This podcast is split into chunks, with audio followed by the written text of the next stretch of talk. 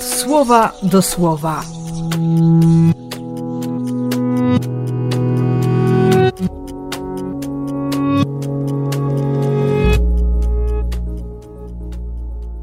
Siódmy września, czwartek.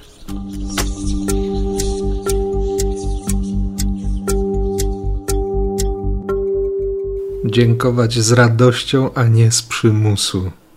Nie dlatego, że tak wypada, ale doświadczyć wewnętrznej radości.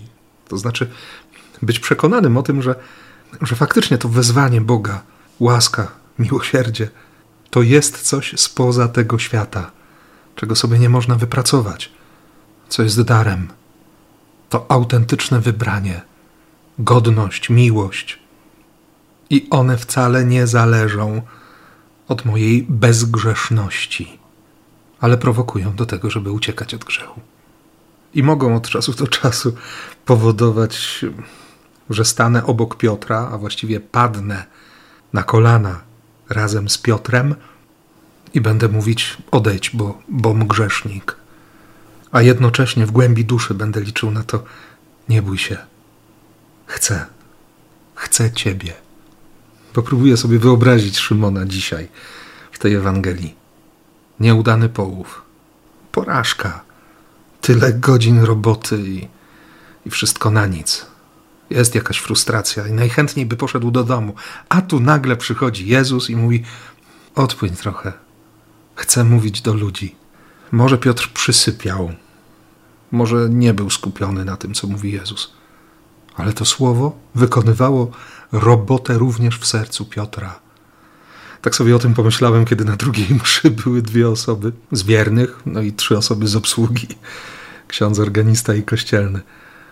I, I mimo wszystko zaprosiłem do tego, żeby usiąść po Ewangelii, żebyśmy posłuchali tego słowa razem. Słowo Boga wykonuje swoją pracę, nie wróci bezowocne. Czy śpimy, czy czuwamy, we dnie i w nocy. Ono wie, co ma robić. I faktycznie serce Piotra zmieniało się już wtedy, bo kiedy Jezus poprosi, a właściwie nakaże zrobić rzecz niemożliwą, nikt przy zdrowych zmysłach nie łowi o tej porze, to odpowiedzią Piotra będzie na Twoje słowo tak, ponieważ Ty to mówisz. I Ty i ja mamy tyle okazji, tyle możliwości, żeby słuchać Boga.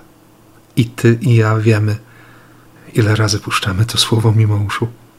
I Ty i ja przekonaliśmy się wiele razy, że to słowo jest zdolne uczynić rzeczy niemożliwe. Więc, więc życzę Ci tych niemożliwości. Życzę otwartego serca i uszu. I niech się dzieją cuda w imię Ojca i Syna i Ducha Świętego. Amen.